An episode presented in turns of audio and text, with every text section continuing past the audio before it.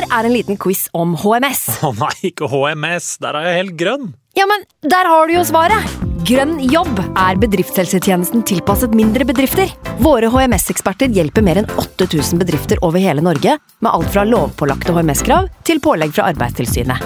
Få på plass bedriftshelsetjeneste på grønnjobb.no. Hallo?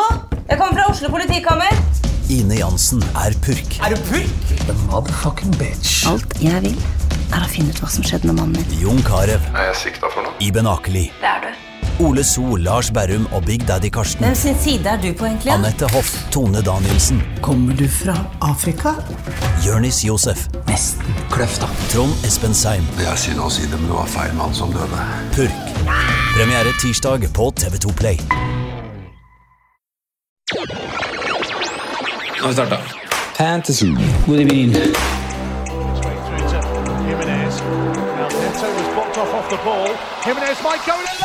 God evening.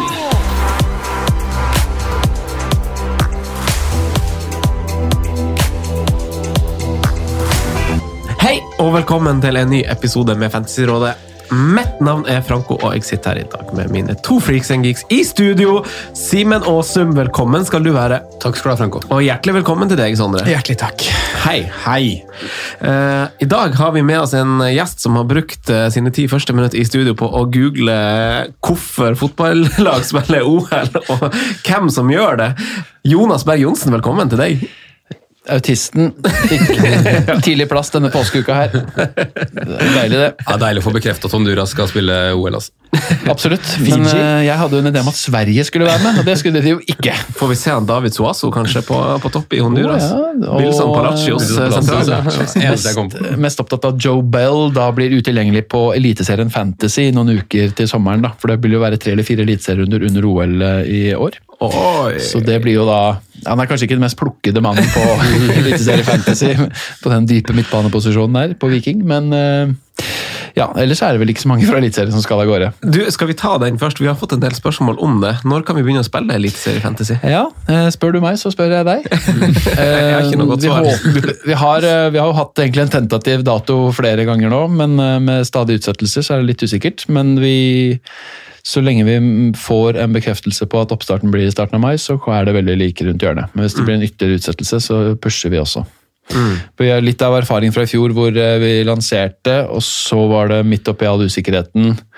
Vi lanserte vel like før korona der, og så på en måte drukna hele spillet i alt mulig annet rart. Og det gikk tre måneder før vi kom i gang, og det ble veldig sånn. Så det mener vi hadde en ganske stor innvirkning på at det ble såpass mange færre spillere i fjor. da. For vi gikk liksom fra 65 000-70 000 til 35 og det var um, litt voldsomt. Så i år skal vi i hvert fall over 50 igjen, tenkte vi. Og da vil vi gjerne ha en boost inn, og ikke en sånn å ja, Eliteserien, ja. Stemmer det.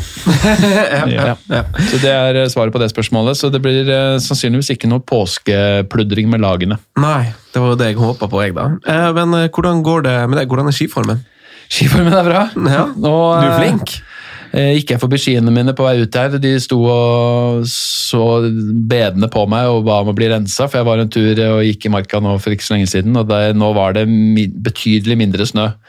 Eh, Særlig ned siste hellinga fra Ullevålseter mot Sognsvann, som jeg tok en råsjanse på. Møtte en sånn klassisk markatraver på Ullevålseter som mente at det gikk helt fint å kjøre ned. ja, det gikk jo på en måte, men uh, skia mine syntes ikke det var så stas. Så nå begynner jeg å lure på om eh, det nærmer seg slutten av sesongen. Jeg har jo håpa å bruke påsken litt på å gå litt lenger nord i marka, da, hvor det er høyere og kaldere. og Snøen ligger tjukt fortsatt, men eh, når det er meldt 10-12 varmegrader liksom, selv på de her eh, utfartsstedene ganske langt inn i tjukkeste marka, så er jeg litt skeptisk. Altså. Vi får se, men eh, jeg hadde et mål om å gå 1000 km i år. Jeg har litt å hente. Så da Hvor mye har du det. Jeg har gått 860 nå. Ok. Ja, ja, ja, ja. Så jeg mangler 140. solid. Det er det på en uke. Eh, For de som ikke har sett eh, bildet vi har valgt å bruke i promoen, Jonas, det er, det er et litt yngre bilde av deg, men du har alltid vært en liten sånn Casanova. Og, og for, de, for, for de som ikke ser det bildet, så har du, du har jo ikke én knapp oppe på skjorta, du har to eller tre. Litt sånn solbrun, og du får jo selvfølgelig spørsmål om eh, om, altså, om det altså, kommer sånn damespørsmål, da. Tommy stiller spørsmål om hvor mange damer som ble nedlagt den kvelden hvor, hvor det bildet ble Ja, altså Det der med skjorteknapp åpen til uh, navlen Det var noe vi drev med en periode der, da jeg hang med en del kompiser som var mye på Solli plass og en del andre sånn Hegdalsveien-løsninger. Um, dette var jo mens unggutter som Emil Gukild og sånn fortsatt ikke bleier. Uh, jeg er jo en voksen mann blitt. Men uh, det var en kompis av meg som var sånn partyfikser. Som drev hele tiden og arrangerte fester, hadde et enormt nettverk. Brukte Facebook flittig og var en gullgruve for de utestedene han eh, kobla seg opp mot. da. Så jeg husker han tok coverchargen. Det var liksom, Hans jobb var bare å fylle utestedene, og så fikk han coverchargen. Så han tjente jo så grådig med penger. fordi la oss si Han fikk 450 pers inn et sted, og så var det 100 kroner i CC. Det var 45 000 rett i fòret på, på en kveld. Eh, og vi slang jo da inn der hvor han ofte hadde festene sine. Og Beklageligvis var jeg det da på et sted hvor man eh, ikke hadde skj- skjorteknappen opp. sånn. Men eh, den perioden her, jeg vet ikke, jeg var ikke så eh, fut egentlig. Det tok jeg liksom late bloomer på det området der. Så jeg ble jo en periode bare kalt oppvarmeren av mine kompiser. Etter at vi hadde hatt en tur til Thailand. Jeg og vi var fem kompiser som var der, og på 14 dager så klarte jeg liksom gjentatte anledninger og å bare komme til oppvarmingsstadiet. Og det var mye svenske damer involvert.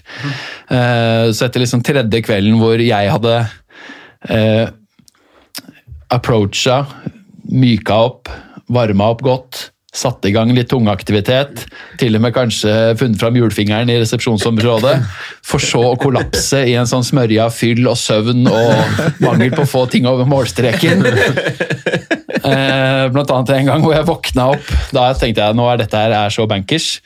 Venninne som var litt full, som eh, min dame da skulle følge hjem på et hotell på Koh Samui. Jeg skulle bare sette meg utafor på en liten bar og, og ta en øl mens hun hjalp venninna si inn på hotellet. Eh, Det er det siste jeg husker. Det neste jeg husker er at jeg våkner opp utafor utestedet liksom midt i sentrum der, på et fortau på et gatemarked, hvor klokka var halv åtte på morgenen. Bodene var i ferd med å stables opp der, og det og currygryter osv. Jeg liksom Hva er det som foregår? Da hadde jeg ligget der i fem timer, sannsynligvis. Det var liksom siste, siste gang jeg var observert i på en måte um, våken tilstand. Det var halv to, halv tre. Og så våkna jeg opp halv åtte. Og hun jenta som jeg selvfølgelig da hadde eh, gode aksjer inne hos, hun hadde blitt med kompisen min hjem istedenfor. Det, var liksom, det var tredje støtet på den turen hvor jeg da ikke fikk snøre i bånd, og eh, døpenavnet eh, Oppvarmeren foregikk i en sånn seremoni nede på stranda i Koh Samui der. Så jeg jeg har og det, var en, det var en trå fase i livet faktisk der, så jeg prøvde å kompensere kanskje med å kneppe opp for mange knapper. da. Ja, riktig. riktig, riktig. Eh, en veldig fin historie. Veldig god start. Eh, men eh, Du nevner jo Emil Gukild. Han hadde jo et spørsmål, kom seint i kveldinga der i går. Men eh, han, eh, han stiller spørsmål om når du skal arrangere singelfesten du starta planlegginga av i, Ja. i 2017. En singelfest. Ja, altså Grunnen til at jeg nevnte Gukild var at vi hadde jo for ikke så mange dagene siden en sånn Twitter-utveksling om gamle dager i Hegdehaugsveien. Hvor Erik Follestad også meldte seg på. Altså, Gukild er jo kongen av Mabo. Du ser for deg det, De som ikke har vært der, da, eller ikke kjenner til Oslos uteliv, så er jo Høydalsveien der hvor eh, gjerne de eh, unge, pene studiner kommer flyttende inn og ikke har oppdaget Grünerløkka og de mer skumle strøk byen ennå. De valfarter fra BI inn i sine nye leiligheter på Gullkysten der oppe, og rett inn på Mabo. Der står Emil Gukild og, ja, i, i forhenværende tid, uh, jeg, da, og tok imot i sånne skrukkede sommerskjorter som klistra seg inntil kroppen, for det var så hett og varmt innpå der. Trond Giske var gjerne innom. Det var liksom, det var den type atmosfære. Og eh, i den, altså så Både Gukle og jeg har vel liksom sikkert kosa oss mye i livet som singel. da. Han har jo hatt litt sånn kjæreste innimellom, men i 2017 så begynte vi to og en eh, tredje kompis å diskutere eh, prosjektet Singelfest. Hvor vi da skulle arrangere en svær fest hjemme hos meg, hvor kun single var tillatt. En slags trafikklysfest, men kun eh, spesielt inviterte grønnkledde. da. Og da hadde vi begynt å jobbe med en svær liste med felles kjente og damer han hadde kontakt med, jeg hadde kontakt med, og han tredjemann Thomas, og vi satt liksom og eh, røra i bilen i to timer fra Oslo til eh, eh, Lillehammer Sjusjøen, hvor vi skulle gjøre noen intervjuer med langrennsløperne før OL i Pyeongchang. Gukild skulle lage sånn moroinnslag med Marit Bjørgen. Og så hadde vi to timer med liksom den ene drøyere historien enn den andre. Basert på virkelige hendelser, men også da planlegging av denne singelfesten. Og det har jo ikke skjedd da, siden det. Han fikk seg kjæreste først, og så fikk han Thomas det. Og ja, nå er jo Gukild singel igjen, tror jeg, men eh, Det har vi fått med oss. VG Helg anbefales. Um, der ble han lurt utpå, gitt. Ned i, ned i havnebassenget. Helt sånn Erna Solberg i Sive-atmosfære. De som husker det legendariske Dagbladet-magasinet-bildet. Ja, men eh, så svaret på det, Emil, er jo at du og jeg må, vi må komme oss sammen. Du har jo nå gjort eh, liksom eh, Jeg føler jo Facebook-eventens forsidebilde må jo være at han stiger opp av havet. Eh, og så um, er det trekkplaster nok til å, til å invitere de damene vi vil. Problemet er jo at korona selvfølgelig også er ødelagt da, det siste drøye året. Så det um, er jo en viktig faktor. Men uh, kanskje sommeren? Kanskje. Vår første gjestebooking av Emil René var jo faktisk på Mabo. Du møtte han i baren der? En såkalt Cava-onsdag. Å, herregud. Så to høye menn møttes uh, i bardisken på Hvem, Mabo. hvem approacha hvem? Det, vet du hva? Det, jeg husker faktisk ikke helt hvordan det, hvordan det utvikla seg. Men uh... Du òg har jo litt sånn Mabo-tryne, vet du. Ja. du er bare litt for snill gutt. jeg har Du, jeg har vært på Mabo med, med han Sondre. Mm. for han, han har, altså, hodet hans er jo over alle andre, så han, altså, han går med tjukke manken på toppen der. eh, Drar som en magnet. det Ja, det, er for, det, er, men det er fordel med høyde. Det er en grunn til at Ja, ja. Emil Gukild og Trond Giske også har trivdes godt i høyden på Mabo. Har du 1,90 på, på lessen, så, du, så har du et godt utgangspunkt. Ja. Så absolutt. eh, eh, Jonas, hvordan gikk Bleikrunde 29 for deg? Her, nå var det så god stemning her. Kan ikke bare drite i fantasy. Jeg fikk 35 poeng. Å ja, såpass? Ja, det var bra, det.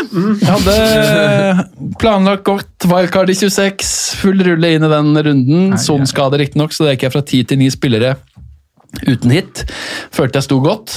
Eh, Men som alt annet jeg driver langtidsplanlegger denne sesongen, så gikk det fullstendig til helvete. Så jeg så at jeg klarte, det meste jeg har klart å tape, er 57 poeng til uh, motspillere i miniligaer. Som også har kjørt til og med Noen av de har jo jeg har tapt over 50 poeng til spillere som eh, hadde samme taktikk som meg. da. Spart opp, eh, spart opp bytter og spillere og på en måte kjørt uten å spille free hit. Men eh, free hitterne fikk jo gjerne 75-80-90 poeng, de òg. Så det var jo kanskje den mørkeste runden eh, til nå, i, eh, av en rekke av mange. Så det var eh, ja, utrolig seigt, rett og slett. Jeg så jeg hadde sju og åtte spillere like som folk, og hadde allikevel liksom 40 poeng mindre og sånn. Helt utrolig.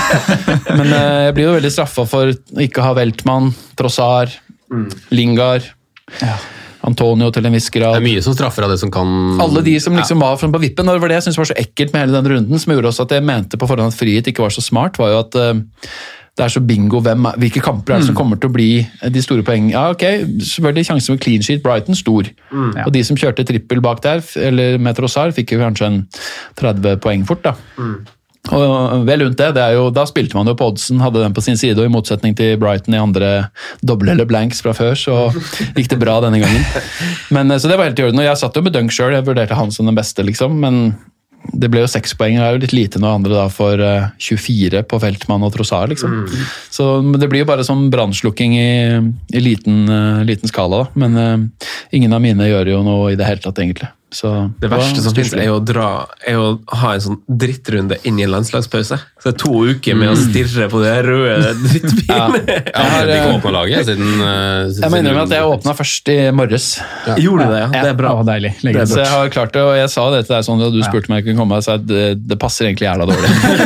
Det, det har vært en, og det er helt, Man har jo sånne faser i sesongene, det må man jo bare vite og huske at det er lange perioder hvor det går trått. Altså Jeg var eh, topp 100 000 i Gamic 10 etter en litt sånn helt streit kladdete start, men kom meg inn topp 10 eller 100 000 i Gamic 10. Og nå er jeg på en måte Jeg har jo da sunket 27 000 plasser siden det. Eller opp ned, opp ned. Litt sånn som deg, Simen. Liksom. Bare ligge og vaka. Kommer ikke noe sted, da. Og for hver runde som går, så øker jo terrenget eller ta- tapet opp til topp 10 000, da. Fordi Det er jo veldig digg å ligge der etter Gaming 10, og etter for det så vidt 15-20 også, Ja. men alle disse planleggingsrundene vi har hatt nå med doble og, blanke, så har det jo bare gått nedover, da, og det er jo veldig frustrerende. Eh, Simen, hvordan, eh, hvordan gikk det for deg? Du er nå chipløs, vet jeg, men du eh, brukte ikke noe chip denne runden her. Det gjorde jeg ikke. Nei. Jeg endte to poeng mindre enn Jonas, og ikke sånn voldsomt eh, her heller. Eh, For å si det sånn. Eh, Fant jo ut rett før jeg skulle gjøre bytte at jeg hadde jo klart å lurte inn tredjekeeperen til Brighton ja, på benken. Eh, Så det ble ikke noe forsvarsbytte der. Har ikke du gjort det der før? Hæ? Har ikke du gjort det der før? Jo, det er klart man som Villa før, med Ja, ja. Ørjan Nyland fra start. Ehm, Så jeg fikk ikke inn noen ekstra Brighton-spiller. Hadde Burn fra før, måtte jo satse på tannstarta, det gjorde den ikke. Oh, Gud. Bizoma, som mitt Brighton-asset fikk med seg tre poeng. Der! der fikk Du fikk toppen! Ja da. Toppen med Bizoma! Ikke noe gult kort der, eller? Ikke innsluppet. Jeg hadde jo hatt elleve spillere med, hvis sånn og Burn hadde vært klare, men det ble det jo ikke. Eh, Det jeg gjorde, var å gå jeg tok inn, eh, Siden jeg ikke fikk inn Brighton bak, så tok jeg inn Leeds. Tok en sjanse på de eh, der. Fikk jeg inn Ailing. Hvem har jeg kasta ut igjen, da? Det husker jeg faktisk ikke i farta. Jo, jeg kasta ut Stones for Ailing. Mm. Cappa Rafinha, da. Det var litt kult, da, men han fikk bare ett poeng mer enn Hurricane, så ja. Det ble ikke veldig, ble ikke veldig bra. Så står laget mitt heldigvis fint til, til runden men jeg er litt sånn som Jonas, jeg har omtrent ikke orka å åpne, åpne laget siden, siden runden, og så har det vært egentlig vært deilig med landslagspause og litt optimisme, og så ble den slått i trynet igjen, og Tyrkia fikk 3-0 mot Norge. Så Ja, ja. ja. Det har skjedd mye spennende i landslagspausen. da. Mitrovic med ny all-time toppscorer for Jugoslavia, blant annet. Eller Jugoslavia-Serbia. Når er det han skal få gjennombruddet sitt denne sesongen? Det her? lurer jeg på, ass. Men det er ganske sjukt at han er det som 26-åring. Men meldte ikke du knallhardt uh, før sesongen at Mitrovic var årets liksom, billig, billig.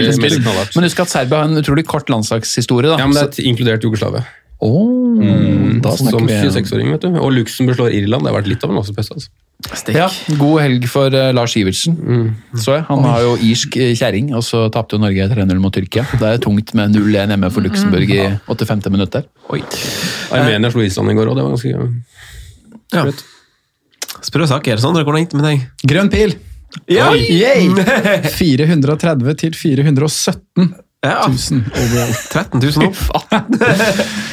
Men eh, nei da, det blei jo Jeg har valgt å se veldig på average points denne runden, for den er jo på 25, så alle er jo over der, gutter. Vi må jo alltid se på averagen. Det har jo så mye å si nå mot slutten av sesongen. Mm. Så jeg er heller 20 poeng over average, altså med 45 poeng totalt. De kjøpte inn en sånn average for aktive spillere. Altså, Ja, du klarte klart å fjerne på en måte alle døde lag. Det det. hadde vært mye mer interessant. Men, du, du har jo det, da. Du har jo average på alle på de ulike tiresene hvis du vil gå inn og sjekke det. Men det krever jo en litt jobb å gjøre det, men eh, jeg sjekker jo alltid mot topp 100 000, for eksempel, da. Ja.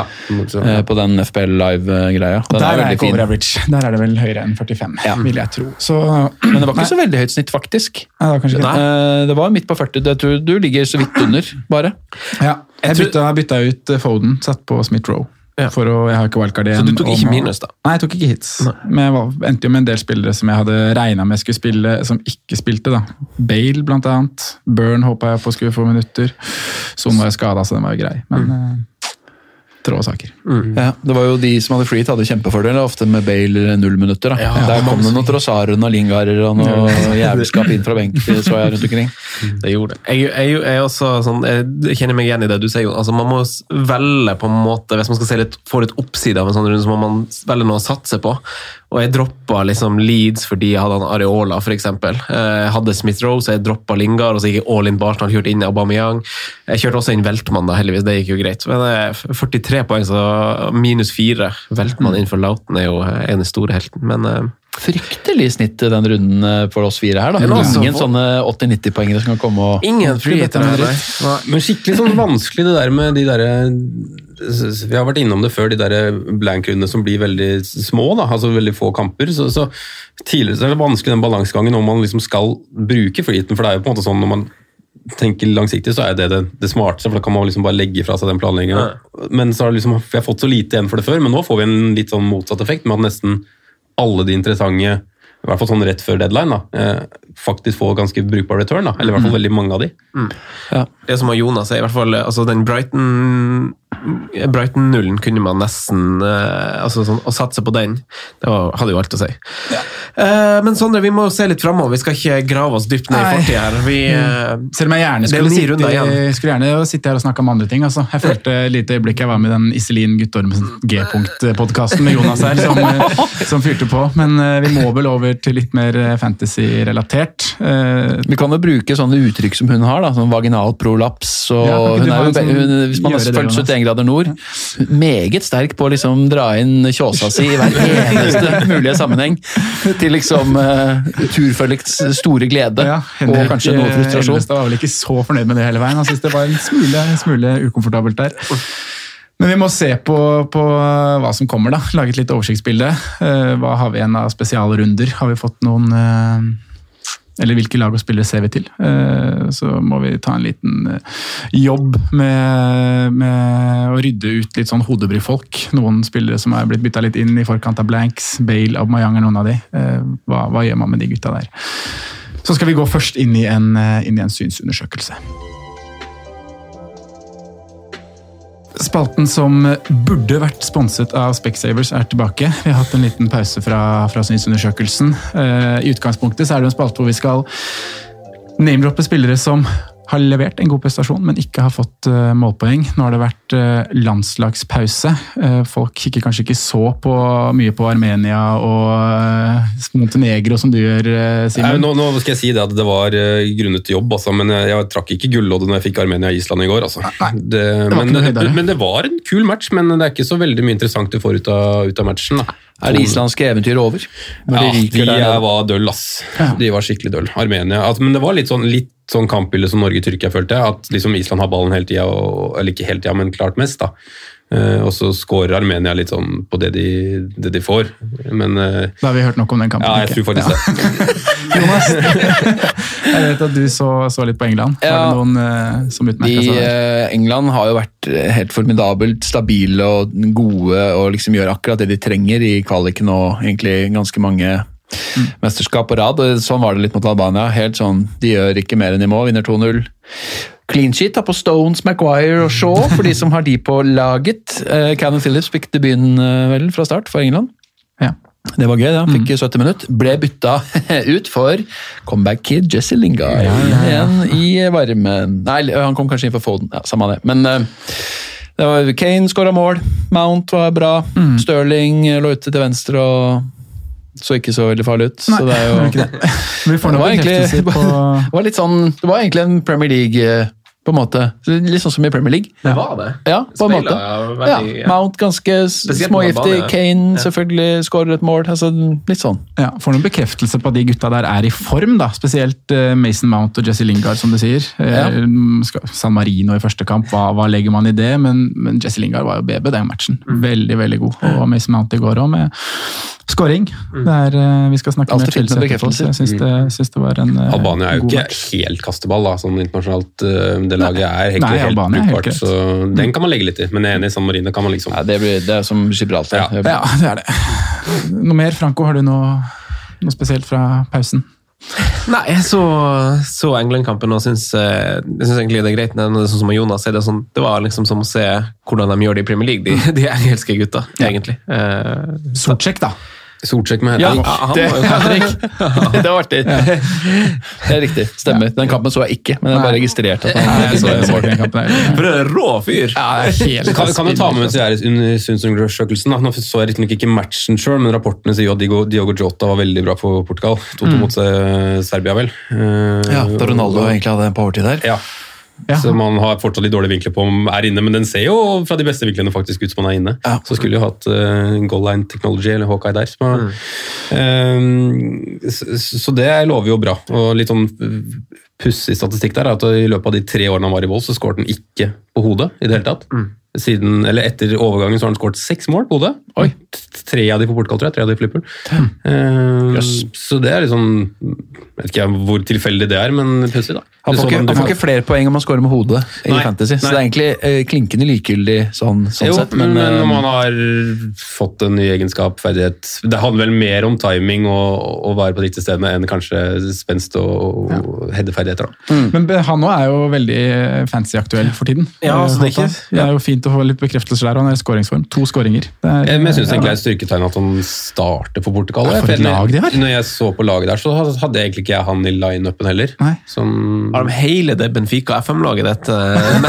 Sånn Ja, nesten- nesten. Florentino Luis og Ruben Diaz. Ja, Luis spilte vel ikke det? Pizzi og gutta. Hæ? Nei, han er på lån i Monaco eller noe sånt, tror jeg. Ja. men ja, uavhengig av det, Yota blir sikkert nevnt eh, flere ganger i dag, Jonas. Mm. Jonas. Men hvis vi skal danne et lite oversiktsbilde over altså, Det har jo gått veldig slag i slag et par måneder nå, føler jeg, med fredagsfrister, midtukerunder, dobbeltrunder, blankrunder. Mm. Nå er vi litt tilbake til eh, normalen, egentlig, med med de typiske lørdagskampene og helgerundene. Eh, vi får et pust i bakken i, i ukedagene. Eh, hva, hva vet vi om eh, rundene som kommer, og hva har på en måte til gode å bli satt? Ja, Det jeg reagerte litt på da jeg ikke nå kikka, var at det ikke de automatisk bare har satt disse her eh, lagene som er involvert i um, 32. semifinalen i FA-cupen. At ikke de bare var flytta allerede. Men nå er det jo faktisk bare seks kamper inne i denne runde Gaming 32. da. Men det antar jeg at kommer til å løse seg. Det er jo hvis ikke, så er det jo høyinteressant. Da har vi jo en monsterblank i 32 igjen. Men det får vi jo bare gå ut ifra at uh, de pleier å gjøre som de gjør, at de dytter bare den um, de, For der er det jo nede i midtuke heldigvis etterpå. Så det får vi ta, ta fritt. Ellers er jo ikke de to siste engkampene plassert ennå på aprilprogrammet, og det tyder vel kanskje på at de drøyer den og, og tenker at det kan gjøres godt ut i mai. Da, eh, på, da er det Everton Villa og Tottenham mot Saints. Southampton. Eh, Vi husker jo hvordan gikk det i starten av sesongen, um, i motsatt. Da, og særlig nå som Tottenham i tillegg har ryket i Europaligaen, så er det vel ingen grunn til å stresse med de kampene inn. Det er veldig lite covid-utbrudd, og det vaksineres over en lav sko i England, så jeg tipper jo kanskje at det ender med at de blir plassert mot slutten, da. 37, kanskje. At det blir så lenge til. Eh, og er det det ikke er litt jo sånn gyllen regel at Premier League skal, at de to rundene egentlig skal bare være enkeltmatcher? bare 38. Ja, Den skal spilles helt likt, det er på en måte Ja. greit, men jeg trodde også 37 har jo vært skal- monsterdobbel i mange mange år nå. Nå, okay. Nå- Fordi det har alltid hatt en sånn David Igea cap. Var det 37? Jeg tror det. Ja, og eh, Kane hadde jo to hat trick mot Leicester og Hull i 37 for noen år siden. Grei uh, triple captain for de som hadde den ikke slenge igjen. Så mm, det er muligheter der, eh, men det betyr jo kanskje at de som da, sånn som for min del, da, som valgte å gå trippel villa pga. Eh, både kamp i blanken, selv om den var mot Tottenham, og at de har da den doble igjen. Vi straffes jo kanskje litt, da, for Villa er jo veldig ut, ut av form og skaper jo ingenting uten Jack Grealish. Tallene er jo kjempestygge. Så det er jo litt kjipt. Mm. Det hadde vært digg å bare fått unna den. Jeg sitter med Calvert Lewin også, det hadde vært fint å liksom fått litt betalt. eh, For den slags planlegging, kall det det, da. Som jo gjør at man sitter uten Bamford og Antonio, f.eks., men eh, med Watkins og Calvert. Så det er jo litt sånne ting. Men ellers er det vel ikke så mye nytt. Eh, Det vil jo bli noe i forbindelse med FA-cupfinalen der òg, men det ser ut som de har ganske god kontroll nå, tenker jeg, på fictures-avviklingen. Det virker jo sånn. Mm. det eneste er jo, det, er jo den runde 33 er jo det eneste altså, sånn, Ja, Av er runder som vi vet blir spesiell hittil, er jo den. eh, fordi da spilles ligacupfinalen samtidig. Så da er du fire lag. Det må jeg tenke litt på, for jeg har jo godt investert i både City og Tottenham. Så brukte wildcardet. Og, Ja. Vi er vel eh, alle brukt wildcard her nå, så det er jo ingen som har noe å, å spare Nei. der. Eller er det noen free hitere igjen her? Til 33? Franco har free hits, jeg har triple. jeg, har vurdert, jeg vurderer jo frihit i runde 33, fordi det er en del lag som har fine enkeltkamper. Ja. Mm. Uh, altså, Gutse Liverpool og Liverpool og Leicester og ja. Så, så det, det, mot så det, det har jeg vurdert. Ellers er det å vente på når de her dobbeltrundene, eller de to hengekampene blir satt. av. Kanskje jeg er heldig at de kommer i samme runde og bruker frihet. da. Men jeg venter uansett. Men det er vel det eneste sånn håndfaste vi vet, er vel egentlig runde 33. At eh, det er den litt spesielle. Ellers så går det vel ganske normalt for seg nå, nå framover. Det blir litt roligere, kanskje. Man må jo slenge inn at det er Fulham og Southampton, Spurs og City møter i den 33-blanken. Og det er jo noen Areolaer og noen keepere og noen Ward Prowser og noen småplukk.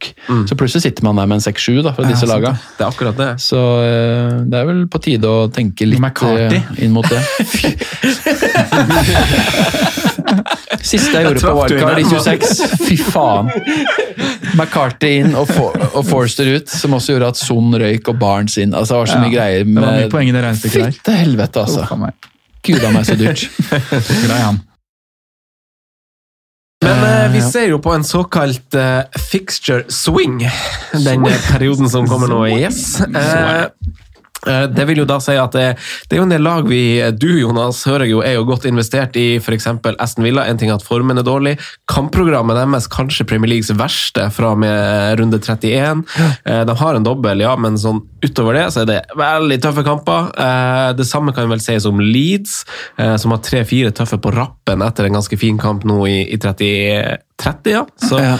da blir det ganske tøft for Leeds. Så det er jo, man ser først seg kanskje et sånn lite skifte. Jeg så på mitt eget lag at jeg kommer til å ha lyst til å bytte alle spiss, eller begge spissene mine. Kane står vel fort vekk, men sånn, jeg har lyst til å få ut Bamford, jeg har lyst til å få ut Watkins, jeg har lyst til å få inn Kelechi, for han har fine altså, sånn, Det er masse som skjer nå, eh, Simen. Hvordan lag Liverpool, for eksempel. Dette Liverpool, Jota, får jo fort vekk et fint program. Ja, jeg tror, jeg tror Jota blir, blir et veldig populært bytte inn framover. Det tror jeg. Og jeg tror det altså, Jeg òg vurderer veldig sterkt å gå, gå den veien der. så jeg ser absolutt sånn det. Ja. Vi diskuterte litt i en tidligere podkast vi hadde før vi spilte inn her også, at, at man både kan se Jota som all, altså, uavhengig av hvilke andre man har fra Liverpool, da, og at man kanskje ikke er så tenker ikke så mye om de der Liverpool-plassene nå som man har gjort før, da, med tanke på at de fleste sitter kanskje bare med Sala eller ingen fra, fra Liverpool. så... mm, Men vil man ha Jeg har Salah fortsatt. Vil man ha Hota ved siden av, sånn som Liverpool har sett ut offensivt nå over lang Nei, tid? nei det, det er jo på en måte fair, og det, er jeg helt enig men så er det jo den som Frank var inne på,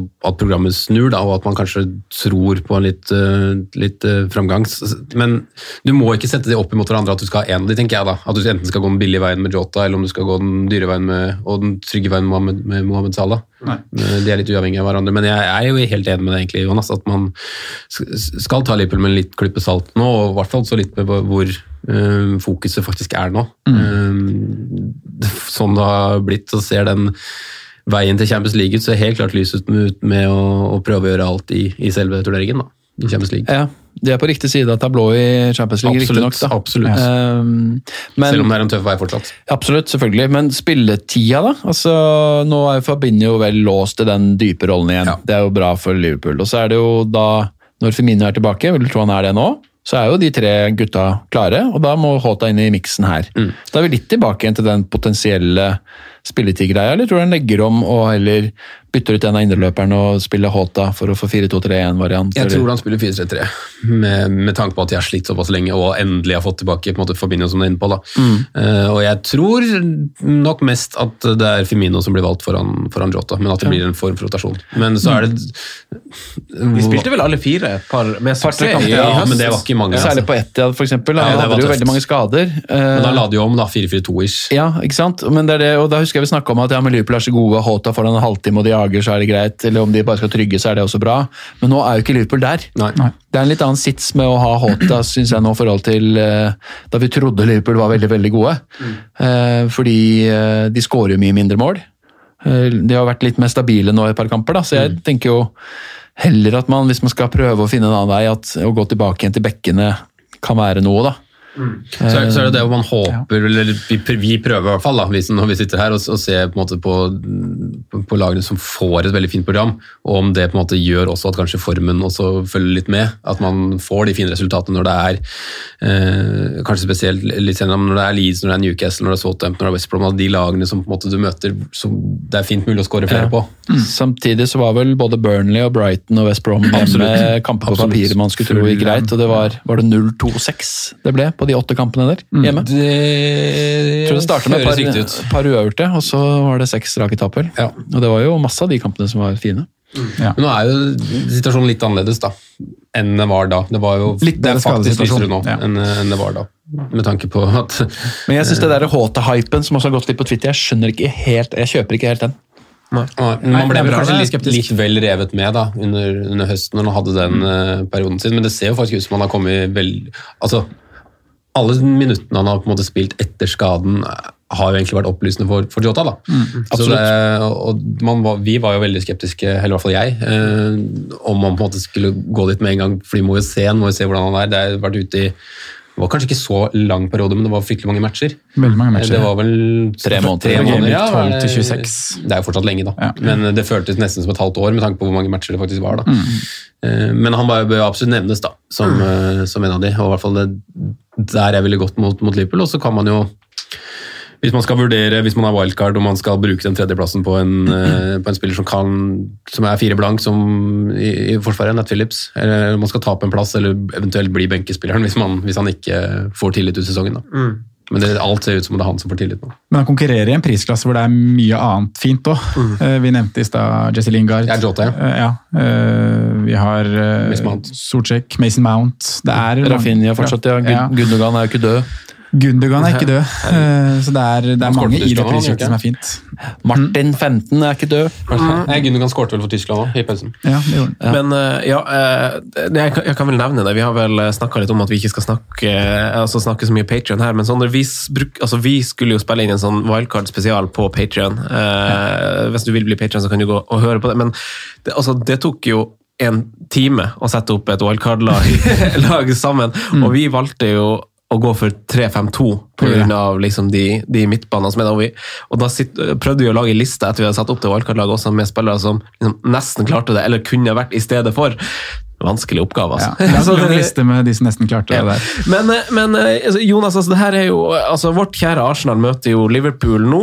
Eh, og så har både Liverpool og Arsenal etter det, altså ut sesongen, så møter de bare ett antatt Big Six-lag. Arsenal har Chelsea i et slags eh, London-derby, mens, eh, mens Liverpool møter Tottenham, nei United, unnskyld, uh, senere. Så det er jo lag som uh, folk som wildcard i 31, som vi Sondre i den Patreon-episoden ble enige om kanskje er det fineste tidspunktet for et wildcard, eh, så har jo Arsenal og Liverpool et, et veldig fint program. Hvis man skal komme litt fram, framfoten og litt tidlig på. Hva tenker du om, eh, om Arsenal, da? Eh, hvis man skal tenke litt kampprogram og at de fortsatt er i Europa League, hvordan tolker du liksom Ja. Artetas prioritering? Det er akkurat det. Eh, han har jo vist at han har vært veldig tilbøyelig til å rotere ganske kraftig, og at Europa League nok er den klare målsetningen nå. Med de siste poengtapene så er jo topp fire mer eller mindre helt utenkelig, og det er jo nesten så man sliter med å komme inn i Europaligaen òg. Så jeg tror at uh, Europaligaen er nok nesten nummer én. Og så er spørsmålet hva er hans beste elver? Han er veldig Egentlig trodde jeg at han var lett å lese. Jeg kjøpte også Smith Road til denne, litt i et langtidsperspektiv, fordi jeg ville ha en veldig billig femte mitt som det også går an å og benke innimellom. Eh, så og Analysen min var jo at Aubameyang og Lacassette ikke hadde spilt sammen siden midten av januar. Aubameyang hadde ikke spilt kant siden 18. eh, i første. Og så kommer han inn og gjør det mot Westham, og gjør kanskje sin dårligste kamp på sesongen. Var jo helt forferdelig dårlig. Var jo ikke involvert i noe som helst.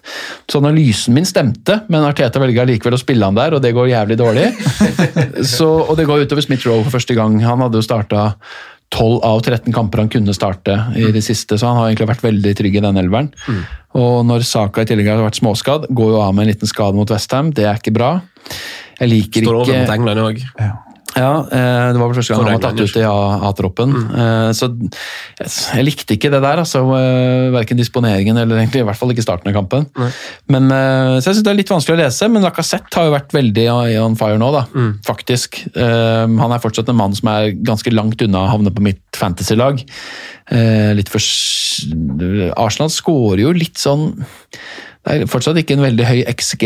Det ser småpent ut og en del sånn. Og mot Westham så var det jo en helt merkelig fotballkamp. Det var jo, kunne jo blitt sju-åtte mål til hvert lag, men, men det har på en måte ikke vært uh, tralten, egentlig. da. Og Det har egentlig vært litt om motsatt.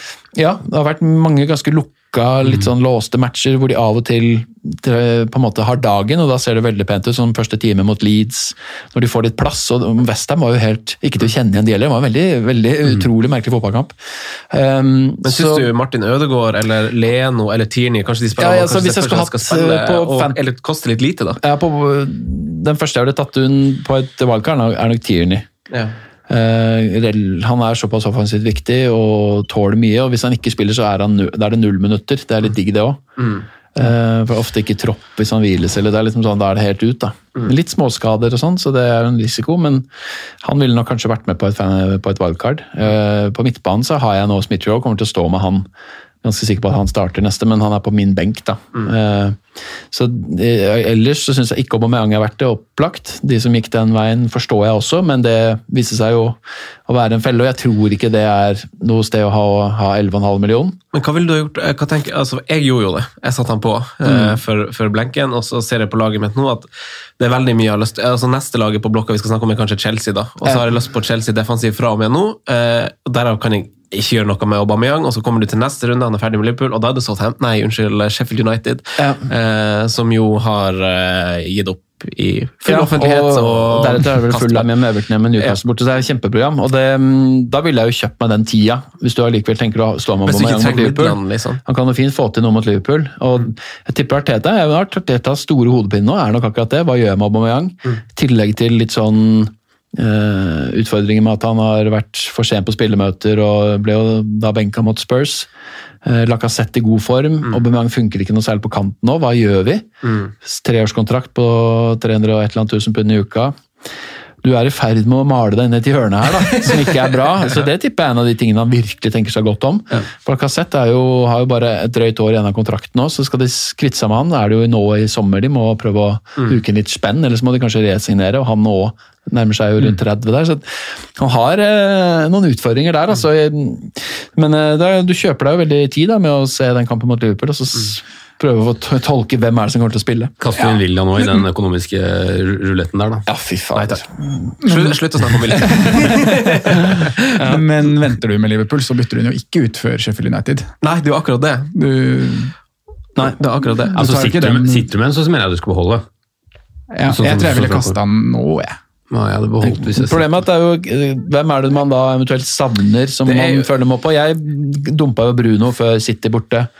Ehm, og ble jo straffa for det, Mm. selvfølgelig. Men etterpå det, tallene hans er jo helt krise. Han skaper nesten ikke sjanser lenger. og så han, nå er det, skaper han store sjanser hvert 500 et eller annet minutt. Mm. Så det er jo en, en dyr en som man kanskje ikke trenger.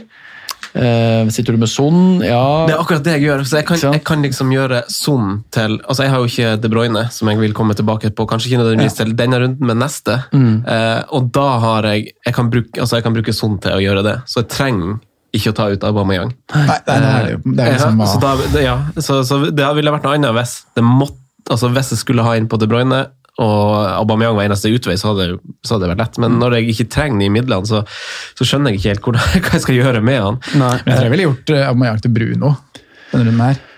Med tanke på United sin picture mot Brighton. Det kommer til å bli en del kapteiner der, tror vi ikke det? Jo, Det det gjør nok fort det. Han er denne spilleren jeg frykter mest i Ja. runden, helt klart. Og også, han har hatt en litt sånn nedadgående kurve, det er jo riktig det, men programmet til United videre er jo egentlig ganske fint. Så jeg har han som en av de tre toppdogsa jeg har lyst til å ha. da. Vi kommer inn på det etterpå, Kane, men Kevin og som du sier, så er Ja. Bruno kanskje den heteste kapteins Mm. nå, da.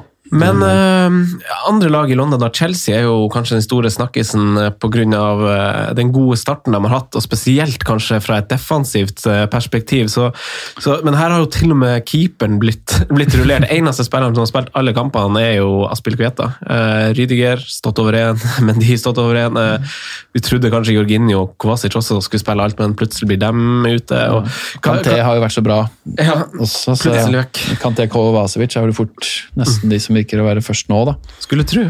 Hva, hva, hva tenker du da, Simen? om uh, altså, dem har jo, altså, Vi snakker om at en del lag får fine kamper fra 31, men Chelsea er jo et av de lagene som har fint fra nå, da. Uh, West Bromwich hjemme. Ja. Det, det, på. det jeg tror når, når Tuchel starta, var at han på en måte bare hadde en litt sånn slags utprøving. Skulle bli litt kjent med, med troppen, så litt på trening, de som var best, kom utpå der. Og så plutselig var veien opp til topp fire mye kortere enn det den så ut til å, til å være. De havna jo egentlig bare plutselig tilbake der.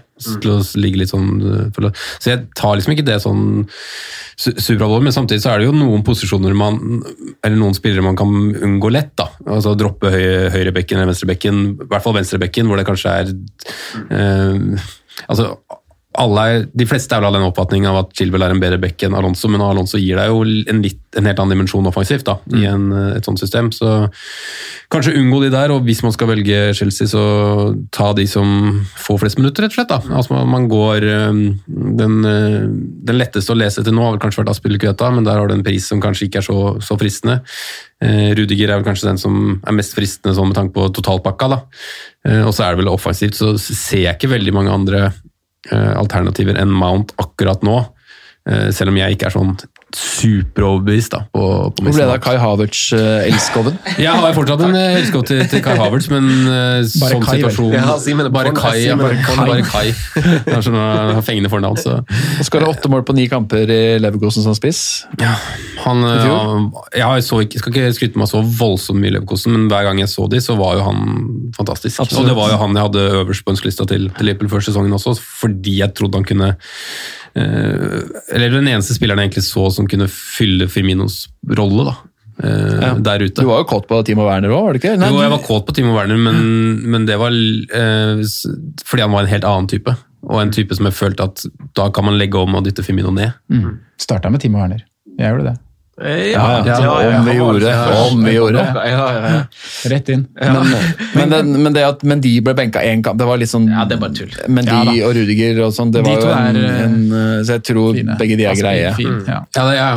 Du har, tre, tre fine defensive valg, og så har du jo backene som du unngår, for enten så taper du terrenget Ja, er der er du det fem hver unna de ti kampene. Ja, ikke sant? På begge sider. Og Reece James kommer jo ofte inn et kvarter òg. Det er jo kjempekrise. Men Ja, det- de andre de på venstresida er i hvert fall 0 eller 90. Ja. Det er noe litt bedre, men det er ikke verdi i det da heller. Men så får man se hva prioriteringen også blir til da. Han har en litt annen situasjon med at, med at eh, topp fire er eh, mye mer innafor rekkevidde enn eh, enn hva Klopp har. Men det er jo fortsatt to turneringer som skal spilles, da. Og, og hva man på en måte prioriterer og rullerer på. Noe bør nok. Ja, og det er umulig å lese, egentlig. I hvert fall fra, fra, det, fra i dag, fra nå, liksom, så er det vanskelig. Så jeg ville tatt de trygge valgene hvis jeg skulle involvert meg i, i Chelsea. altså.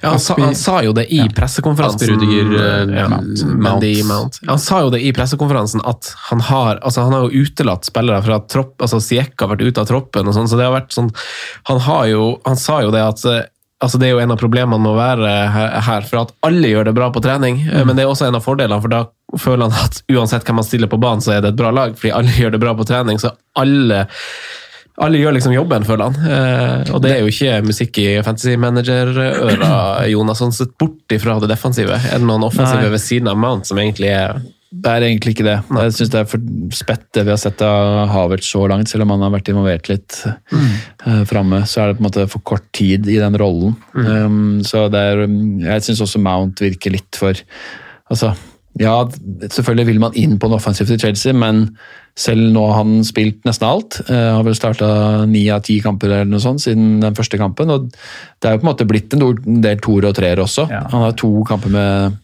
doble digits, men ellers er det jo det er ikke så voldsomt. og de er jo, Det er jo defensivt. De er best på clean sheets.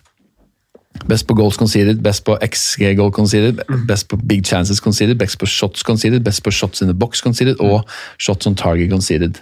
Alle de defensive parameterne. Det er jo en av de store bjørnetjenestene vi har gjort oss sjøl denne sesongen, ved å ikke identifisere dette tidlig nok. Er greit nok at man tok tre-fire-fem kamper, men nå har det gått ti. Det har gått mange kamper. Og de har sluppet inn to mål. Han har 10-4-0 på 14 kamper. Det er, det er akkurat det samme som vi har gjort med hvis vi går over til en spiller da, med Cresswell, at vi liksom bare har låst Ja. ham fordi at prisen er bitte litt for høy. Nå har det jo gått 30 matcher, og vi har fortsatt ikke fått inn Cresswell på laget, Det er så det burde vært en no-brainer på uh, Malaysia-gutt 14 har jo tatt han inn for lengst. Ja, ja. Og fått masse poeng. Det er jo helt utrolig. Men, men det som kanskje er litt sånn problemet, da, som kanskje er litt sånn fellestrekk både til Chelsea og Arsenal, er jo at de har liksom et par posisjoner hvor det så å si er dødt løp mellom et par spillere. Det, er liksom, det er litt sånn smak og behag om du liker Havert eller Siek. De har liksom ingen Kane, Bruno Fernandes, De Bruyne, sånn, ingen sånn dit Nei, ikke sant? Og, og, men noen lag blir på en måte veldig haussa opp fordi de har en bra bredde, men veldig, veldig jevne spillere som ofte skaper en litt sånn urytme. Balanse. Og så er det noen lag som har klare enere, som ofte blir kritisert for at de ikke har backup. ikke sant? Det er, sånn vanskelig, det er umulig å bygge et tropp på en måte som, du, altså, som blir helt riktig. da. For du må ha spillere som er fornøyde med å være inn og ut av laget og etc. da. Men du sa du ville inn på Chelsea denne. Hæ? Du vil inn på Ja. Chelsea bak denne. Ja, jeg vil Hvem er det egentlig du har- Eh, jeg har egentlig Jeg har. Eh, det er liksom en jeg må følge med på. Egentlig så vil jeg jo gjerne spille han denne kampen. eh, Newcastle. Samme her. Eh, Jeg sitter jo med han, jeg òg. Ja, Alternativt så har jeg jo altså jeg har Pope i mål, og jeg har hatt Areola på benken. eh, For det sitter igjen fra wildcard og, free, eh, og benchboost fra langt tilbake. Mm. Og jeg er jo Altså, jeg har da spilt Pope, så klart. Eh, Og Areola har jo endt opp med masse poeng på benken, og Burnley har egentlig skuffa ganske mye sånn sett. Så egentlig så er det å ta ut Pope for Mendy. Da får jeg tjening jeg jo 0,4 eller noe sånt òg. Så Burnley har jo hatt for vane å kollapse når de bikker 40 poeng. ja, de har kanskje det. Eh, og Det husker jeg vi snakka om i fjor våres også, men da jobba hele laget for en eh, Golden Yes. Glows-kjøret til Pope. Det er jo ikke der i år. Eh, Så da straffa det seg jo å kvitte seg med Pope da på dampen, men i år tror jeg det må være greit. Ja, jeg Eh, føler det, altså. De er litt sånn ingenmannsland igjen. Ja. Nei, så jeg føler Det er i hvert fall raskeste vei for meg. Det, Ellers er det jo Rydiger inn, og det gir jo meg jo også litt penger i banken, da, hvis jeg velger å ofre Regulo eller Men jeg har, jeg har Maguire jo og Shaw det også, så det jeg har, jeg har egentlig ganske bra forsvar. Jeg har også ganske bra forsvar, føler jeg. Det hadde egentlig litt å spare bytte, men jeg er jækla kåt på å komme inn på Chelsea så Ja. tidlig som mulig. Masse penger i banken som Ja. brenner, bare sånn åh, vil inn. Men eh, det er jo en veldig fin du, runde å spare for de aller fleste, da. Ja, men hva tenker du? Hvem Jeg, planen min har vært egentlig å komme meg inn på en dobbel bak, med både Rudiger og Aspelkveta. Ja. Eh, Det kjedelige med Rudiger er jo at det er veldig sånn, det er seks eller sju poeng. Aspelkveta har du de der eh, 9-12-15 poengerne som ligger og vaker. Eh, selv om han ikke er så offensiv, eh, liksom, så er han jo både oppe i boks, en snik på, Han har på en tendens til å snike seg noen cornerer. ja. Mm, og i tillegg at han har en fin fot og Har ikke Morata foran seg lenger der? Nei, det er. Men, var eh, dødelig, altså. ja, så jeg syns egentlig han også er fin verdi under seks for en, eh, å gå en dobbel der. Men hvem som kommer først, og hvordan det, det Jeg syns ikke prisen på ASB er så skremmende. Nei, egentlig ikke. Hvis du tenker hva du har betalt for Cancelo eller Diaz, Diaz, eller ja. noe sånt, hvor du omtrent har hatt samme clean sheet-garanti og mindre forutsigbarhet på spilletid. da. Diaz har vært ganske trygg, da, det er ikke det. Men eh, så syns jeg jo ikke det. Og jeg har jo valgt å bruke 5,5 på Regulo. Det var jo et- det var oppsummerte på en måte gameweeken min. At han ble skada i Var det han ikke av? 58? Ja, herregud, jeg satt og 56. Jeg satt og, 56 satt og kryssa jeg, Man skjønte jo at han kom til å bli bytta ut. Ja. Altså, Det var bare å Hvor håpe lenge at han klarte liksom, de? Fire minuttene. Ja. Men Hvis vi tar bare dilemmaet der, da. Hvem rater høyest av Aspi Diaz herfra ut? Nei, ja, det er nok Diaz. Hadde jeg vært på Diaz, og mange har jo vært det, jeg har jo ikke kommet meg på der i det hele tatt. Så Hvem er hadde det jeg fra, selvfølgelig fra nå? For nå har vi jo Bare man tok inn Diaz, så var det på en måte kanskje litt sånn åpenbart at Diaz var overraskende, Ja. men det er jo kanskje litt Jeg ser jo. Diaz fordi det er andre valg i Chelsea også. Ja. Fordi du har Rydiger. Diaz og Rudiger Rudiger er jo heller det enn Ja. å spille Kveta Stones, for eksempel. Da. For Ja. som sitter der, eller Cancelo. Ja. Eh, Sondre, et annet lag eh, vi, som var jo et stort eh, tema på vår wildcard-prat, eh, er Leicester. De har jo et par tøffe nå, men etter det så har de ei veldig fin kamprekke på fire kamper fra og med runde 32. Eh, Jamie Vardy og ikke minst Kelechi. Eh, for laget som har, det var bare City som har skåret flere mål de siste fire kampene enn hva Leicester har gjort, på tross av at Barnes og Madison har vært skada. Så har jo en uh, veldig koselig fyr å se i pressesonen, Kelechi Nacho. Ja, fin, ass. Han, han er veldig fornøyd om dagen. Jamie Ja. Vardy uh, skal ikke si han underpresterer, fordi tallene hans er, er veldig gode, men de som, ved unntak av kampen som var, da, så har han har kanskje fått litt dårlig betalt som eier av Jamie Vardy, men altså Tall som kan bedekkes herifra til månen på begge to, er det spillere å komme seg på? Nå? Det syns jeg absolutt. Jeg, Ikke nå. Nei, Nei, fra, fra neste. Uh, Jamie Vardy han har én scoring han, fra Gameweek 14 og til nå. Helt vilt. Det er helt vilt, faktisk. Den kom mot Liverpool i Gameweek 24. Men uh, Det er typisk at det var da mot Liverpool. Ja. ja.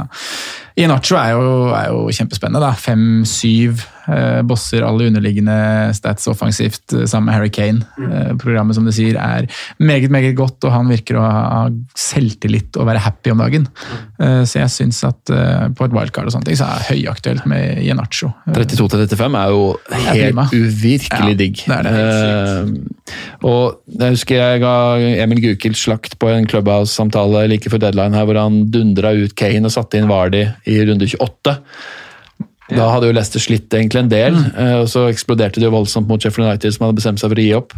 Selv da med Barnes, Justin og Madison ute, så var det jo on fire. og Både Kane, nei, Vardy og Inacho kunne jo sitte der med 30 poeng, det var jo helt vilt. Men um, spørsmålet er jo hva, hvor, altså i Inachos historikk, da, Hvor lenge er dette bærekraftig? Han har nå nest flest skudd etter Kane siste fire. Mm. Treffer bra med mål, jeg har jo opplagt god selvtillit. Men kommer de til å fortsette med begge to når eventuelt barn som Addison begynner å komme seg tilbake? Jeg velger å ikke tenke på det, og se på det sånn Leve i som nuet. Ja, men jeg ser på det litt sånn som Dominic Calvert-Lewin i fjor, så var det sånn eh, at han kom inn og skulle spille spiss der, og så trodde man bare det kom til å Altså, det, det varer ikke, og så er det bare en som faktisk bare har fått et lite gjennombrudd, da, og har stabilisert seg litt mer. og jeg, Man kan ikke slå i bordet med at det kommer til å skje med Kelechi, men sånn eh, den formen han er i nå, og den prisen, så er det liksom Jeg føler ikke at jeg kan ignorere det. Nei, det er helt enig.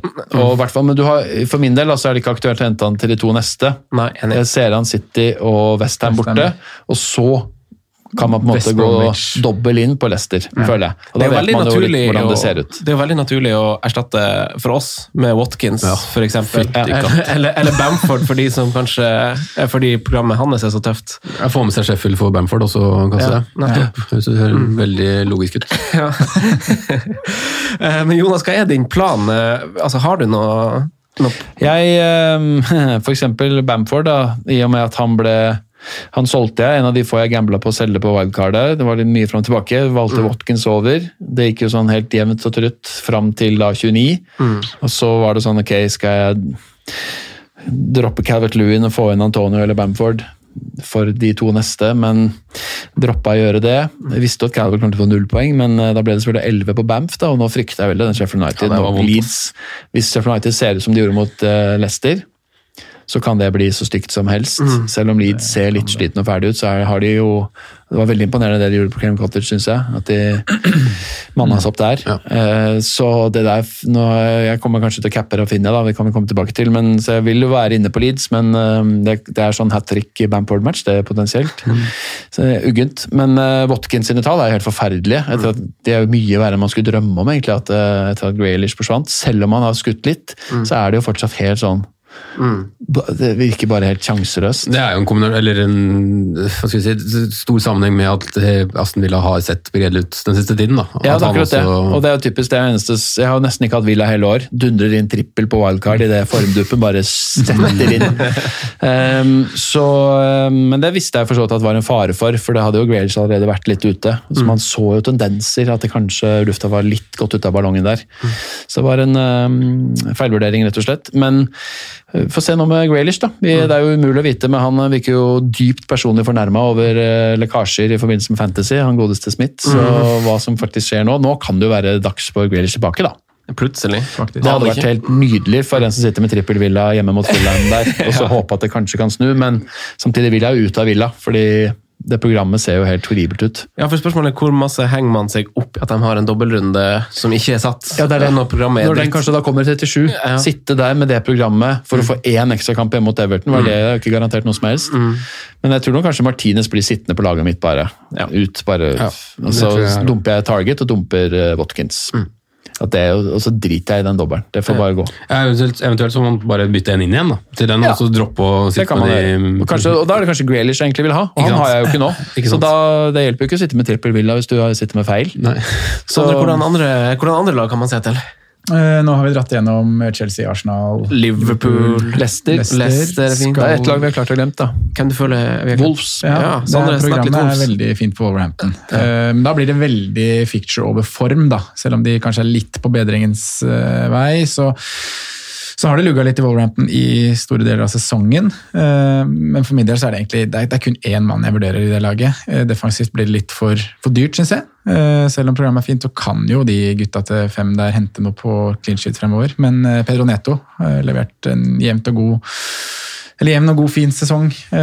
Tolv målpoeng, fem skåringer, syv assist totalt. Eh, og da, han har levert bra i en sesong hvor Wolverhampton har lugga litt. Eh, så med Fulham, Sheffield United, Burnley, West Bromwich og Brighton fra 31, så, så kan det bli mer målpoeng på Peronetto. Ja. Og prisen her er jo, det er jo i Rafinha-sjiktet. han ligger, jo, han ligger jo foran mange av de gutta vi snakker om på poeng totalt i år. Selv om Rafinha han kom jo ikke før i Genvik 9-10 der, men eh, han er med poeng enn Mason Mount, f.eks.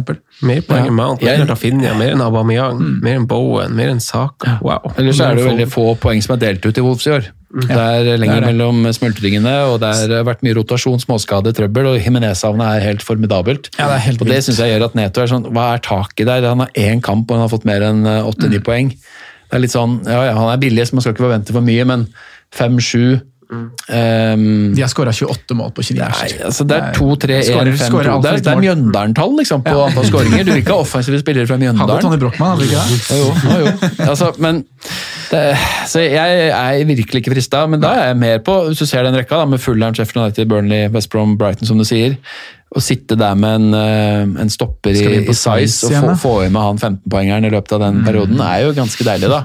Og og jeg tror at de kan holde nullen i tre-fire av de. De var jo egentlig ganske ja, De kunne sluppet inn med mot Liverpool for så vidt, slippe inn nett der, holde nullen kampen før mot Villa, vel.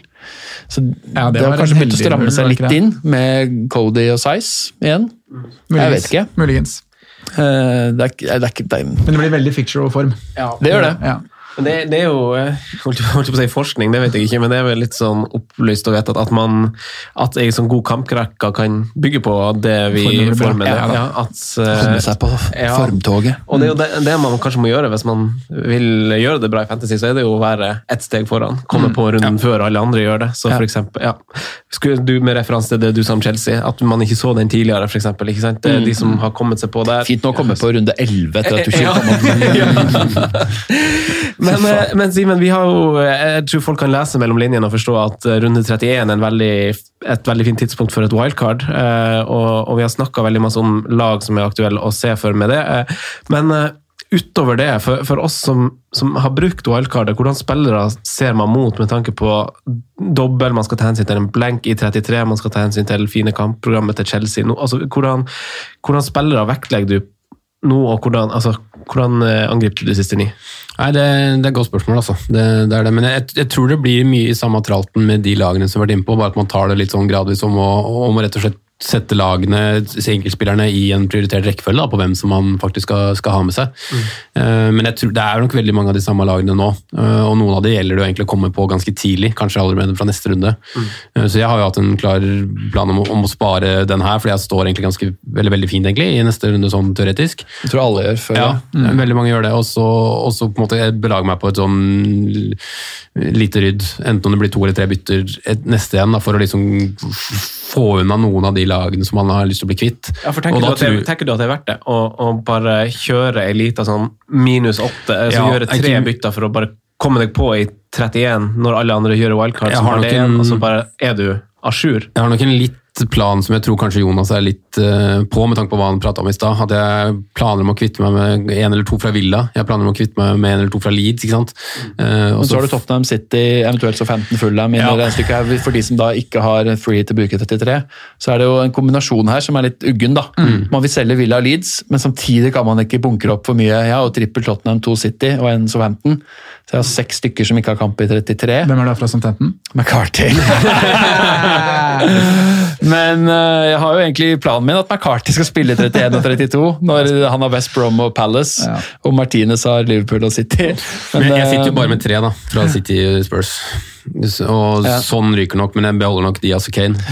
Eh, Men får jeg klare signaler fra Hasselnottel om at eh, Forster skal spille nå? Og det kan jo se sånn ut. at han faktisk... Da kan det hende at jeg gjør McCarty til Forster i 31, faktisk. Hente 0-5. Og hvis Forster da står ut sesongen, så kan han komme inn og gjøre en dobbel senere. Eh, Jeg har faktisk benchboost igjen, så jeg må på en måte ja, ja, hvordan, hvordan tenker du å gjøre det med ja, det er et helvete. Jeg hadde tenkt til å kjøre den i 27, men så fikk jeg jo masse skader og drit inn i, inn i 27, og i tillegg det der Forster McCarty-greiene. um, for det hadde egentlig passa veldig bra. Og så vurderte jeg å gjøre det nå i 30. For da hadde jeg hatt McCarty på benk eh, hjemme mot Burnley. Um, en Arsenal hjemme mot Liverpool på midtbanen der. Og så i tillegg gjøre bytte ut uh, så Siste jeg har på benk nå, er egentlig Stones borte på Nester og Dunk borte mot United. Så vi gjør Dunk til uh, Rudiger, da.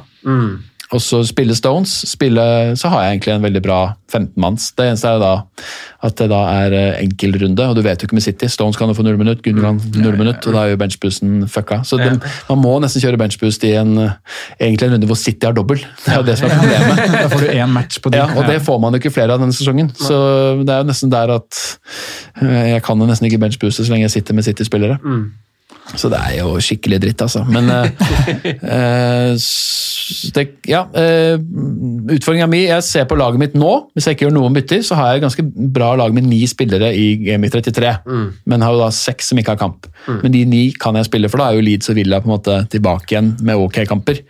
Da har liksom Watkins og West Brom hjemme, og eh, Leeds har vel United hjemme, som er helt ok. Kan bli en kul kamp, det. Det blir artig på Trafford, i hvert fall. Så det ser noe greit ut. Problemet er jo da at uh, Villa Leeds har så tøffe kamper i 31 og 32, så jeg vil jo ut der. Så det er litt vanskelig, altså. Så uh, pressekonferanse nå med Son Regulo har nok litt å si. Uh, men det er jo for eksempel, det er jo Target jeg vil dumpe ut for eh, Chelsea-forsvarer. Eh, og Det passer jo veldig dårlig nå med Fulham hjemme. Og Dunk kjøpte jeg for å spille 29-31 hjemme mot Everton, og så i 33 borte mot Sheffield United. fordi da må han, Så jeg må spare Dunk, selv om jeg egentlig ikke har lyst på han in the long run. Så jeg, det er litt sånn, Der er det nok mange som sitter litt med dilemmaer, da. Men mm. da er det jo kjempegull å kunne spare nå. For å sitte mye mer på viten inn mot 31. Eh, samtidig som jeg egentlig har keen på å svi et bytte og komme meg på Chelsea bak. da. Sondre, da? Med, med triple captain igjen. Ja, Eh, den hvordan- skal brukes hvordan, og, på- og Bale på, i laget. Ja, det er den der offensive Kan, Tottenham- kan ikke du også snakke litt om hvordan du og sånn? Kan ikke du også snakke litt om hvordan du opplever at altså sånn, Å kjøre minuspoeng nå, eh, og liksom din plan? Min plan er å kjøre litt minuspoeng, for jeg må Det er så mye som frister her, da. Vi snakker jo om det. Jeg vil komme meg på Chelsea. Jeg har lyst til å gjøre noe med, med noen av spissene mine. Hva slags elver stiller du denne hvis du ikke bytter? Da stiller jeg med Martinez i mål. Jeg har Diaz, Digne, Dallas bak, eh, så den er fin. Ja, veldig. Eh, Fernandes, Rafinha, Bale Uh, og Son. Det er liksom de som står der nå. Der kan jeg få inn Tini, jeg kan få inn Smith-Roe, så det er ikke så supert, altså. Så jeg må få finne ut Nei, hvis Bale ikke spiller, da. Det er, den er litt spennende. Er Mourinho sin pressekonferanse på fredag blir uhyre interessant. Det blir avgjørende her. Uh, Bamford, Kane, Antonio. Du har jo knallelver, da. Så alt Det er, er jo bare liksom, bail egentlig der. Ja, og det er der jeg vurderer å kjøre en av de Hvis Son meldes ute, da, så kan jeg ta ut han uh, og kjøre inn f.eks. Mace Mount. Mm. Uh, hvis Son meldes så å si frisk, så kan jeg ta Bale ut og kjøre Mace Mount. Ja. Uh, så det er egentlig det jeg ser på nå. Jeg har også lyst til å komme meg på, på Chelsea-def, men dette er ikke runden å gjøre det for min del. Jeg venter helt neste og kjører Dallas til Rudiger eller noe Og du sitter jo med Tierney og Smith-Rowe, som er fin å ha. inn Altså, du har jo Ja, egentlig da. ganske god stamme her. Ja, da, det, det var jo litt det. jeg wildcarda for to-tre runder siden nå, for å Men du er jo, prøve å være i forkant. da. Men, er jo eh, særdeles på City i forhold til de fleste. Bare Diaz. Bare Diaz. Mm. Uh, og det er jo der jeg har hatt Det var jo derfor jeg tok Smith-Roe inn, for å kunne gjøre Son eller Bale til Kevin De Bruyne, da. Ikke sant? I 31. Mm. Så det oppsummert så blir jo det jeg snakker om nå, minuspoeng. Se for meg De Bruyne som falsk nier borte mot Leicester. Da. De kan, ja. Leicester har jo vært varierende bakover. De har det. Så eh, det er en sånn kamp City kan skåre tre-fire mål, og Mm, ja. det kan bli det, both teams to score. Og Ja. over 3,5 blir mitt spill der. Altså. Mm. Tror det blir en artig match. Ja, Det er de to lagene med høyest expected goal, de fire siste rundene som møtes. Vi må gå videre til uh, våre spalteboys. Uh, vi har litt sånn restriksjoner med hvor lenge vi får lov til å være i studio, så vi må bare Gønne på. videre. Skulle gjerne hørt opp, oppvarmeren enn uh, Vi har tre minutter igjen. Ja. det går bra. Vi tar fem. Så hopper vi til spalten. Franco nevner spillere som kan være aktuelle slags populære valg. Rådets spillevalg. Jeg tror jeg skal ta den uforberedt hver gang. Jeg tror det er På perrongen, gutta. Det er egentlig, Siden det var en sånn amputert uh, runde nå forrige gang, så ville jeg egentlig at vi skulle gjøre et lite tema ut av det. Nå vet jeg ikke hvor god tid vi har til å gjøre det, men det var egentlig det her store Jeg ville at vi skulle lande litt eh, våre favoritter i det, i det midtbanedilemmaet, i det prissjiktet med Lingard, Trossard, Jota, Saka, eh, Rafinha, eh, Bizoma, som, som, som Simen har. Eh, Ødegaard har meldt seg på et fint kampprogram med Mason Mount. Det er, det er liksom mange i det der mellom fem og en halv og, og sju. Eh, vi snakker også Pedro Neto, det er ganske mange å ta av. Hvordan, eh, Har du noen åpenbare favoritter, noen åpenbare no-goes, eh, Simen? En åpenbar favoritt har jeg, det, i uh, nyforelskelsen i Rafinha. Du har vært forelska i han siden uh, september, da? Ja, han er uh, Nyforelska fortsatt. Ja, begynner å gå fra nyforelskelse til kjærlighet nå, faktisk. Men uh, han er favoritten min, og han kommer nok til å Jeg tror faktisk han kommer fort til å bli jeg, gjennom fort vekk resten av sesongen også. Uh, ellers så har jeg egentlig mm, mest lyst på Jota, kanskje, som nummer to der. altså. I den eh, bracketen der. Han er en av de dyreste i den bracketen, da. men eh, fortsatt er han som er den jeg sikter mest inn på å kanskje få inn. da. Det er det. Du har ikke brent deg på Liverpool-tips i år, føler du? Nei, absolutt ikke.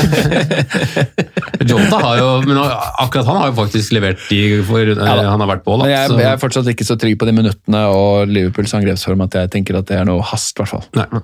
En, eh, altså, Jesse Lingard eh, som altså, han, Hvis man ser på underliggende tall, så, så er det vel altså det, Vi snakker jo om at det er kanskje ikke bærekraftig over tid, videre, men så er det det med det psykologiske aspektet og flyt og selvtillit, at ting går liksom inn. Uh, Han er jo åpenbart en av de. Vi har jo flere tilfeller på spillere som, som kanskje ikke har levert i henhold til Nei, unnskyld. Som bare bryter med XG-en sin og bare leverer over evne. Uh, Sier fuck ut til matten. ja, slett og rett. Ja. Hva, altså Jesse Lingard oppi miksen her, da, Sondre? Du har jo Ja, Antonio, er- så det er jo ikke Men Nei, Jesse er jo, det er jo form over picture, det. Mm. Det er bare å kjøre på. Masse selvtillit. God landslags... uh, Helt greit program ut året, da. Ja, Helt det er litt, jeg syns de neste nå er ganske tøffe, da. Vi Leicester, Chelsea, Everton i løpet av de seks neste, vel. I tillegg til Wolverhampton der, og Newcastle og Burnley borte. Lag som må ta poeng. Så det er sånn derre Det er eh, litt småtøft for Stem United. Men, Men, eh, touch i boks, skudd, åtte målpoeng Ja, ja, siste sju. kjøp. Men han var jo en spiller som bare Han var jo sånn eh, formspiller, hadde tre, fire, fem, seks kamper, gjerne i desember. Mm. That's it. Og så gikk det jo Så spilte han selvfølgelig litt i United, men jeg gambla på at han bare skulle stoppe opp, jeg. Ja. Så Ja, det det var alle kvarter, det. så sitter han på 1 pluss 1 mot Arsenal. Fy faen, for et mareritt den første halvtimen var, Franco. Ja, det var helt Å, gud, ass. det, det, Dæven, hvor kjørt Arsenal ble, da. Ja, helt sykt. Det var helt sykt. Oi, Ok, eh, samme det. Men Lingard, jeg er fortsatt på ja der. Det er ingenting som tyder på at det stopper opp. Nei, nei. Egentlig, man må jo Jeg, Hoppe på det når du kan. jeg syns egentlig det, altså. Ja, Det er liksom bare om man føler seg for sein til festen da, og skal, uh, burde egentlig kikke andre veier for å komme på, på framfoten. Så er det litt med det at Ja. Westhams konstellasjon nå virker veldig på en måte trygg og robust. Mm. Altså Du har to murbrekkere baken som på en måte frigjør han alt omtrent, da, fra det annet enn å liksom svirre rundt. Han, de dekker opp, da, så han får på en måte en mye friere rolle foran, foran de to. Ja. Og laget som helhet. Så jeg er helt enig, jeg tror ikke Lingard kommer til å stoppe, men jeg tok jo sjansen på det sjøl. Og hadde jo ikke noen tro på at han kommer til å, kom til å ha det runnet han har hatt. Eh, Men Sondre, da, hvordan, eh, hvem er jeg og hvem er nei av de her eh, midtbanene? Eh, Hvem holder du høyest? Det er mye ja. Eh, Så er det vanskelig å rangere det, syns jeg. Ja. Eh, Jeg har veldig lyst til å si ja til Peroneto, men jeg klarer liksom ikke. Hva, hvordan er du der? Han er nederst av de vi har snakka om nå. Jeg har både Rafinha, Lingard og egentlig Messemann foran. Og Gundogan, spør du meg. Fortsatt. Og Gundogan. Eh, Det er nesten litt underkommunisert i dagens Ja, episode, ja. egentlig. Liksom, skal man fortsatt stå med han? Ja, Vi har snakka veldig til City, da. Men ja. jeg, jeg syns det har vært tida for nå å dumpe alt annet defensivt enn Diaz. Og sitte med Gundo og eller De Brøne er fortsatt, liksom. Fordi, ok, null minutter her og der, da får du inn noen. Det er dyrt med 11,5 spiller på null minutt. Det er billigere med Gundogan. på en måte. Det er det som gjør at jeg er litt sånn på De Brøne. Samtidig er han nå tilbake på sitt mest distinkte og bare poff, Ja, altså, Helt sinnssykt, så det er litt ekkelt. da. Så Jeg ser for meg en sånn 13-poenger nå på tur til Leicester. Ja. Eh, men eh, ja. Nei, Gundogan nå er foran Pedro Neto. Så det er jo, ja. Da er det Rafinha, Lingard og Gundo er de tre helst ha. Og så er jo Mount og så Hota, for min del, femtemann. Og så har du noe Arsenal inni der. Og så har du Og så begynner du å nærme deg Neto, spør du meg. Ja, enig. Faktisk. Jeg har så langt. Men, men jeg, jeg synes, det er ikke fordi at jeg syns Neto er et dårlig valg. Jeg syns- altså Hvis noen velger Neto, så kommer det til å se kult. Ja. Tøft at det gikk den veien. Men, Absolutt. men det er Og du, og du har gjerne bare plass til to eller tre av disse Ja, er her. det. Og jeg har allerede valgt Smith-Roe. Jeg vil fortsette med Son, tipper jeg. Så har jeg Sala. Folk har ofte Bruno eller De Bruyne. Plutselig har du egentlig Det bare bare ja, mulighet. Ja, Hvem er det du skal Det er, det er ikke så mange plasser her. Hvis du ikke går 3-5-2, da. Og når du benytter den her- ville jeg gjort det. Ja, ja, altså, Men sånn som vi som er låst oss Ja, har jeg angrer jo litt sånn Ja, sett da på angrer. Smith-Rowe, for jeg hadde jo ikke behov for å gå så billig. Jeg kunne gått Lingard og bare sitte der. Men hvis du ser på det skiftet på som kommer nå, at du skal ha ut Watkins, man skal kanskje ut Bamford, så kan du jo sette på The Legend med Rian Brewster, mm. som er nå sunket til 4-4, eh, og så setter du på liksom 3-5-2, da. Ja da, det kan man gjøre. Men da også, jeg syns det er ganske mange fristende i det sjiktet der, tross alt likevel. Mm. Og Kane er låst, og så kanskje en Ianacho eller en Vardy eller ditt og datt. Og så jeg, ser, jeg er litt gira på tre spisser òg, egentlig. Ja.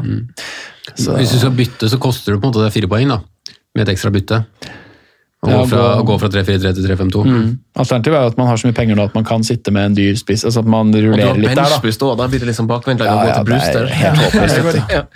Eh, Men Sondre, har du eh, sp spiller... eh, Nei? Jeg har ikke noe å Vi har en oppgave. Nei, vi er ferdige nå, så nå tenkte jeg vi skulle få en hvilerunde. Ja, jeg har oppsummert. Eh, Det er noen som trenger pust i bakken, Simen. Ja. Du og jeg vi må samle oss litt. I, ja, du, er ikke, du er ikke så ille. Men jeg har jo gått fra å dominere denne spalten til å bare falle helt igjennom. Led jeg?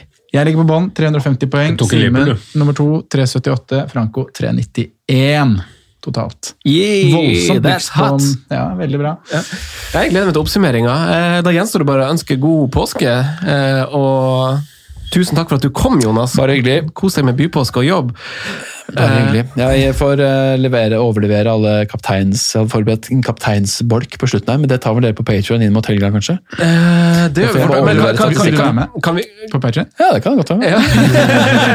ta, ta, det over Skype. Eller, eller har du noen du ville nevne? Nei, bare, det er veldig mye som tyder på at Calvert Lewin er litt tilbake.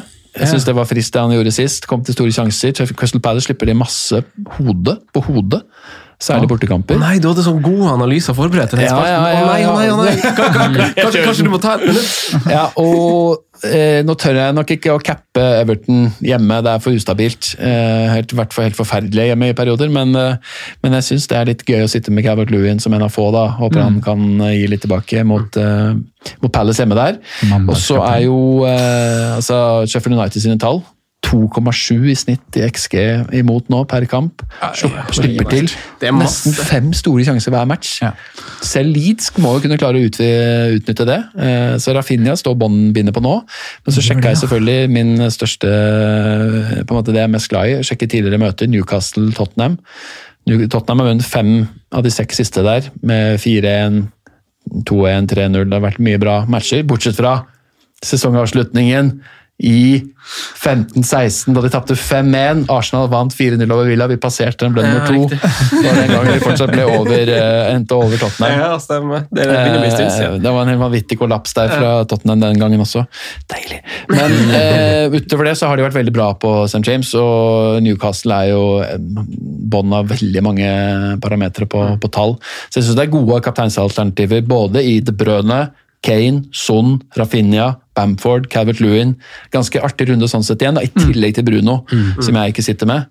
I tillegg til Eh, Kevin, da, som du sier, skal ha en uh, poenger der. Ja, så, så jeg tror eh, det er flere muligheter her som er litt artige, da. Som går an å se på inn mot helga. Spennende. Oppvarmeren varmer opp til Patrion. God påske, folkens! Ha det bra! Straight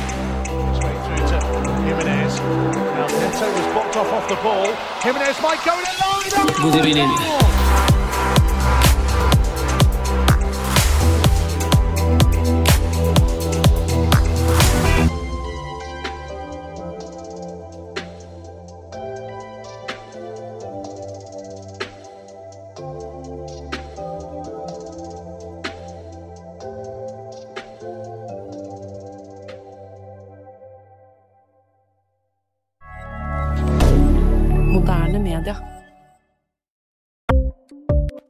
Ukens annonsør er Folio, en smartere banktjeneste for deg som har en egen bedrift eller ønsker å starte for deg selv.